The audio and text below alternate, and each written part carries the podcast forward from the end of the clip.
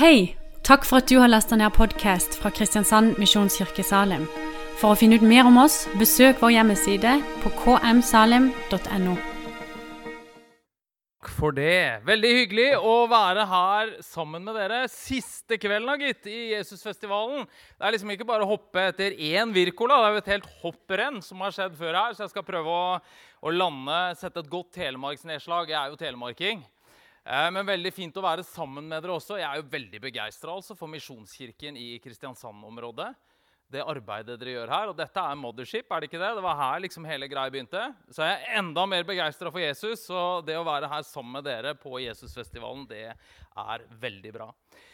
En av de tinga som jeg skrev om i denne boka her, da, det er det som Geir er inne på, at vi trenger å forstå tida vi lever i også.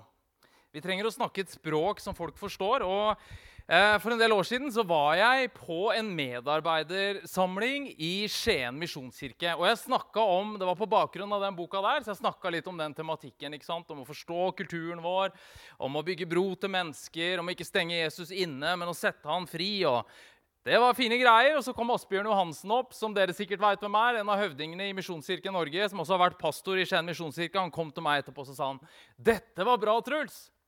Men tror du ikke vi trenger en åndsutgytelse også? Jeg er pinsevenn! Hallo! Det var jo jeg som skulle sagt det. For selvfølgelig trenger vi en åndsutgytelse også. Det handler jo ikke bare om å få stor leddskjerm og trange olabukser og kul musikk. liksom. Det handler om noe mer enn det. Men noen av oss er jo litt trange i nøtta, da, så, så, Gud måtte sette inn en annonse i Aftenposten liksom, før jeg skulle ordentlig ta det. Og Vi skal se et bilde her nå. Og jeg tuller, jeg har ikke forandra teksten. Det var faktisk sånn som dette her det var. Jeg vet ikke om dere ser det, men eh, øyeblikket hvor Truls oppdager at han har glemt det viktigste For båten er jo fin, men den mangler seil. Og dere, vi eh, vi trenger kjøl, og vi trenger en båt. Noen av dere kjenner sikkert til eh, Vasaskipet Vasa i, i, Sverige, bygd av Gustav Adolf på 1600-tallet. Sverige er i krig med Polen. Og kongen vil ha en heidundrende båt, så han lager den med to kanondekk. og sikkert en del løse kanoner på dekk også. Problemet er bare det at båten har ikke ordentlig kjøl, og den mangler ballast. Så den seiler i 20 minutter, 1,3 km, så synker hele skipet. Så vi trenger kjøl, og vi trenger ballast, men vi trenger også seil, og vi trenger vind. Og det er det jeg skal snakke om i dag. Og vi skal lese sammen fra en uh, tekst i uh, slutten av Johannes-evangeliet. og Bare gi litt sånn backstory her. Det er søndag. Jesus døde på fredag. Og Disiplene hans som har fulgt han i, i, flere år, de er rystet og de er redde og de har låst seg inne. Og Nå begynner ryktene å gå om at Jesus har stått opp fra de døde. Det er noen damer i forsamlingen der som har sett han, men det står i et evangelium at uh, mennene trodde det var løst snakk. Så ryktene går, men de har nå låst seg inne, og de er livredde. Men så dukker Jesus opp. Og Jeg leser fra Johannes 20, fra vers 19. Det var om kvelden samme dag, den første dagen i uken. Av frykt for jødene hadde disiplene stengt dørene der de var samlet. Da kom Jesus. Han sto midt iblant dem og sa er ikke det bra? Han står midt iblant dem! Det liksom svever ikke oppunder takplatene eller et eller annet hologram eller noe hokus pokus. Han står midt iblant dem og sier, 'Fred være med dere.' Og da han hadde sagt det, viste han dem sine hender og sin side. Disiplene ble glade da de så Herren. Igjen sa, de, sa han til dem, 'Fred være med dere. Som Far har sendt meg, sender jeg dere.' Så åndet han på dem og sa, 'Ta imot Den hellige ånd'. Og Det er mye fint i denne teksten her. Jeg mener, jeg vet ikke om dere har merket det kontrastene her, men Det står at disiplene var fulle av frykt, men så kommer Jesus to ganger med fred. Og De var redde, men det ender med at de er glade. Og Det er jo fantastisk, men det er jo litt pussig, det som skjer her òg. For jeg mener, Her sitter altså disiplene og er, eh, og er redde, og så begynner han å blåse på dem og snakke om Den hellige ånd. Og Har du gått litt i kristne miljøer, så har du hørt snakk om Den hellige ånd, men det er jo litt sånn gåtefullt. Hva er det for noe egentlig? En av ungene mine, og det er ikke han som er her i dag, jeg skal ikke si navnet på han, men det er den førstefødte, han var hos mutter og fatter for noen år siden. og Han var rundt tre år, og så begynte han å snakke da, og fortelle til eh, sin farmor og farfar at Jesus bor i hjertet. Den hellige ånd er en brann. Da skjønner du at han er oppvokst i et godt kristent, møblert hjem. Men så kommer fortsettelsen. Den er ovnen til Gud og Jesus. Så fyrer de i den, og det kommer røyk opp av pipa. Altså jeg mener, Han snakker om Den hellige ovn. Men hva er nå egentlig Den hellige ånd? Og Det er jo en litt sånn pussig praksis han driver med. Og disiplene er livredde. Og hva er det Jesus gjør? Han begynner å blåse på dem. Han, det er som han blåser i dem. Altså De nærmeste vennene hans som har fulgt ham, han står bare og så blåser i dem. Men dere Det er noe mer enn bare et pust. Det er som et ekko fra da verden var ung.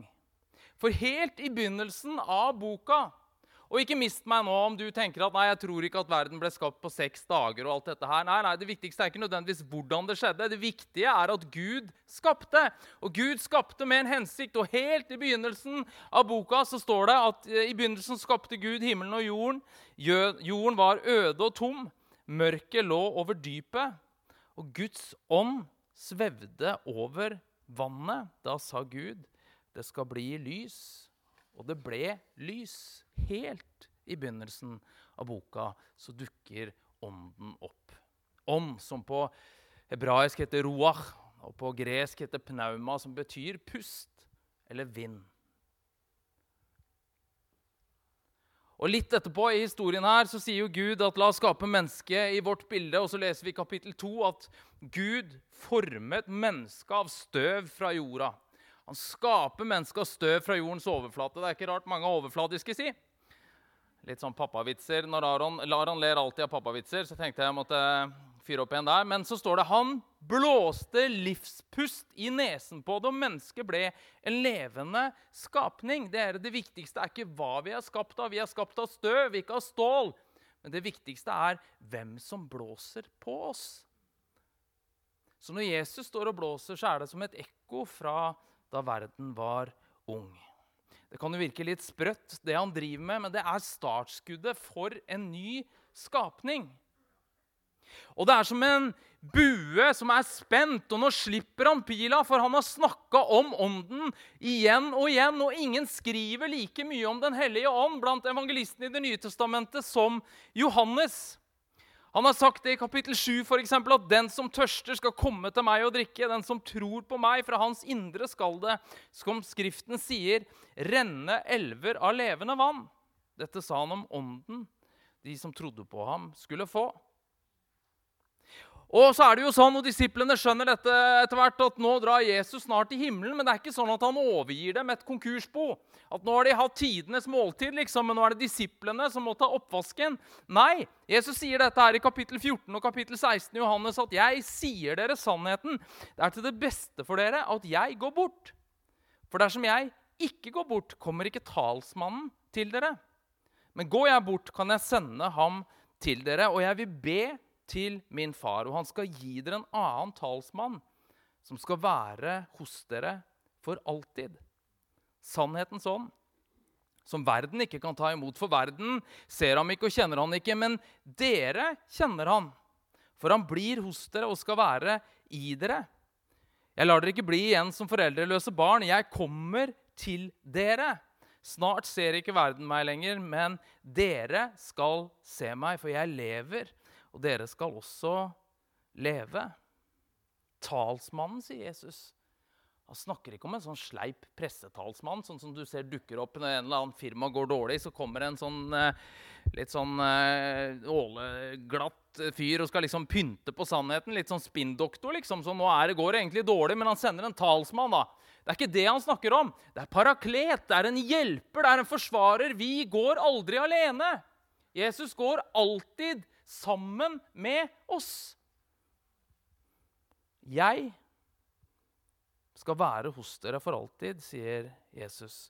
For poenget dere er at disiplene sendes ikke ut i verden i egen kraft. I begynnelsen av apostlenes gjerninger så sier Jesus at dere skal få kraft når Den hellige ånd kommer over dere. Og dere skal være mine vitner i Jerusalem, Judea, Samaria og like til jordens ender.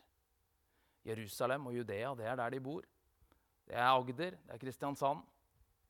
Samaria, det er liksom neste steg utafor. Det er resten av Skandinavia og like til verdens ender. Dere skal få kraft når Den hellige ånd kommer over dere, og dere skal være mine vitner så ser det jo helt ærlig ut litt eh, dårlig ut for disiplene. Altså, hvis du leser litt i evangeliene, så har jo hele landsdeler hengt etter dem. De har hengt med den største influenseren og kjendisen i hele området. Og nå er han borte, og nå sitter de der, og de er bare en liten gjeng igjen. Og alt Jesus driver med, er å stå og blåse på dem. Og så er det som om ingenting skjer. Det går én uke, det går to uker, det går tre uker, det går sju uker, og det skjer ingenting. Altså De av dere som er gamle nok til at dere trenger hjelp for å logge på Facebook og huske hva finsk fjernsynsteater er, dere vet jo også, dere som er yngre, vet ikke hva vi ler av nå, men jeg snakker til de litt eldre her, som når vi dro på påskefjellet for noen år siden, så hadde vi med reise-TV. Og Husker dere åssen det var å få inn signalet? Det var jo helt bananas med de der antennene. og liksom, Farfar må stå borterst der, og du må ikke røre frisyren din, for da forsvinner signalet. Og så ser vi litt, og så forsvant det igjen. Og så ser vi litt. Og sånn er det med Jesus i disse ukene. og Han dukker opp, og akkurat når noen skjønner hvem han er, så forsvinner han, og så er han der, så forsvinner han. Og det skjer ingenting. Det går sju uker. Men så så kommer pinsa, og pff, så braker det løs. De er 120 stykker samla på øvre salen. Så ber de til Gud. Og Så kommer det en kraftig vind, og det kommer flammer på huet på dem. Og det er såpass bananas at folk rundt dem lurer på om de er fulle. Og det eneste forsvaret Peter har å komme at det, er litt tidlig på morgenen. Det er liksom det eneste, for det ser jo virkelig sprøtt ut, dette her. Men 3000 mennesker blir frelst. Og så leser vi i apostlenes gjerninger videre, hvordan ånden faller igjen og igjen, og hvordan ånden, Den hellige ånd, talsmannen, fyller vanlige mennesker sånn som deg og meg. Så de blir vitner om Jesus Kristus. Så skjer det gjennom kirkehistorien hvordan det sprer seg ut i hele det romerske riket og opp gjennom kirkehistorien også. Det er noen i eh, fagteologien som har beskrevet Den hellige ånd som Askepott. Fordi Den hellige ånd fikk liksom ikke så mye, mye fokus i teologien. Det var liksom Faderen og Sønnen det var som de to søstrene som dro på festen. De fikk masse oppmerksomhet, men ikke Den hellige ånd. Så er det en kirkehistoriker, Vincent Seinen, han har beskrevet det 19. århundre som åndens århundre. Det har jo skjedd mye opp gjennom hele kirkehistorien, men det gjærer og bruser skikkelig opp i det 19. århundre. Og i 1906, og nå vet jeg jeg taler sikkert som pinsefan her, og det er greit, så skjer det noe i Azusa Street i Los Angeles. Jeg kom fra Los Angeles på onsdag. Hvis dere syns jeg driver med mye rart, så er det jetlag. Det er bare det. Men da så var vi i Azusa Street. Og der faller ånden. Ledes av William Seymour, sønn av en slave blind på det ene øyet. De møtes til bønnemøter i Bonnie Bray Street i et helt vanlig hus. Til slutt så kommer det så mange at hele porchen eller trappa knekker sammen, så de må flytte ned til downtown LA. I et halvveis nedbrent kirkelokale så faller ånden. Vi var der nå i forrige uke, og det ligger midt ligger et steinkast unna Skid Row, som er et av de største konsentrasjonene hjemløse i hele USA. Det var ingen fanfarer, det var ikke noe spesielt, men der faller ånden. Tre og et halvt år så har de tre gudstjenester daglig. Det kommer mennesker fra hele verden. Evangeliet spres utover. Mennesker tennes i brann av Gud. Lenger mot østkysten så er metodistpresten, norske metodistpresten Thomas Ball Barrat han er i på østkysten for å samle penger til et diakonalt arbeid i Oslo. Det går skikkelig dårlig med innsamlinga hans. Så hører han om hva som skjer i Los Angeles. Så ber han til Gud, og så faller Den hellige ånd. 'When the fire fell' heter boka hans som han skrev om hvordan livet hans blir fullstendig forvandla. Så sender han brev med seg hjem før han drar over til Oslo. Han kommer rett før jul i 1906, og så begynner vekkelsen der også kommer mennesker fra hele landet, fra Europa, fra land i andre verdensdeler, så sprer ilden seg. Og dette er ikke bare fordi jeg er pinsevenn. Det er liksom ikke sånn at Pinsebevegelsen har liksom, eh, kontraktsrett på dette her. Ikke sant? Ånden blåser dit den vil. Men i dag regner man med at det fins over en halv milliard pinsekarismatikere i alle mulige kirkesamfunn rundt i verden. Jeg lar dere ikke bli alene igjen. Jeg sender dere talsmannen. Så ilden har falt, men det kan jo se ut som at vi bare har asken igjen. Da jeg var 12 i 1985, så trodde 53% av nordmenn på Gud. I 2020 var det 30% Det er liksom som om sekulariseringa bare gnager seg inn i samfunnet vårt. Så vi har hatt korona på toppen. Og det har jo skjedd noe med mennesker. Vi kunne nesten ikke samles. Og så er det som liksom pysjamasen og sofaen har grodd sammen på en eller annen måte. Så folk kommer seg jo ikke opp, liksom. Bare se på, de, se på, se på den sliden her da, med, som illustrerer det litt. Grann, liksom, med nyttårsforsetter. Det første der, ikke sant? I 2017 så bestemte du deg for jeg skal begynne på treningssenter.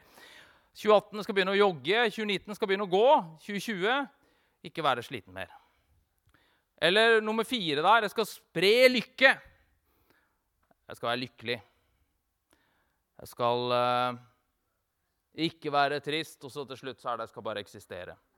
Eller på sekseren der Jeg skal reise rundt i hele verden, skal reise rundt i hele Norge, skal reise rundt i byen. Forlate huset innimellom. Eller nummer åtte der, dere. Skal forandre verden. Skal forandre byen. Skal forandre gata. Slutt å tulle. Dere, vi må slutte å tulle. Men vi skal jo forandre verden. Fordi Gud har sagt at han skal sende sin ånd. Det er greit, dere. Vi har ingen grunn til å bli oppblåst, men vi har all mulig grunn og alt mulig behov til å bli innblåst. Fordi dere, både skapelse og ny skapelse begynner med et pust. Og det er Gud som gjør oss til mer enn støv. Det er Gud som reiser oss opp fra jorda vi er skapt av, og sender oss mot himmelen og verden som vi er skapt for. Og Jeg har lyst til å slutte denne, denne konferansen på den noten at vi sendes ut. Som far har sendt meg, sender jeg dere. Du veit at misjon, sendelse, evangelisering det er ikke noe som noen har funnet på. Det er noe Gud har satt i gang. Missio Dei heter det på fint. Guds oppdrag. Vi får tre inn i det som Gud allerede holder på med. Og så sendes vi ikke ut i egen kraft, men Gud puster på oss og fyller oss med sin ånd. Jeg lar dere ikke bli igjen som foreldreløse barn, sa Jesus. Jeg kommer til dere. Snart ser ikke verden meg lenger, men dere skal se meg, for jeg lever, og dere skal også leve. Og jeg vil be min far, og han skal gi dere en annen talsmann som skal være hos dere for alltid. Du vet at Det kristne livet består av både innpust og utpust. Det er som et av slagordene til Den norske turistforening. Meld deg inn, kom deg ut. Det er å være kirke, det er å være kristen. Jesus sier, 'Kom til meg'. Kom til meg, alle dere som sliter og bærer tunge byrder, og jeg vil gi dere hvile. Og så sier han, gå for meg ut i hele verden og forkynn evangeliet. Så vi kommer og går, vi samles og sendes. Saken er bare at vi sendes aldri før vi er fylt. Vi skal aldri gjøre dette i egen kraft. I slutten av Lukasevangeliet forteller først Jesus at uh, Messias skal lide og stå opp igjen, og så skal budskapet om omvendelse forkynnelse i hele verden. og dere er vitner om dette, sier han, men så sier han en ting til. Og se, jeg sender over dere det som min far har lovet, men dere skal bli i byen til dere blir utrustet med kraft fra det høye.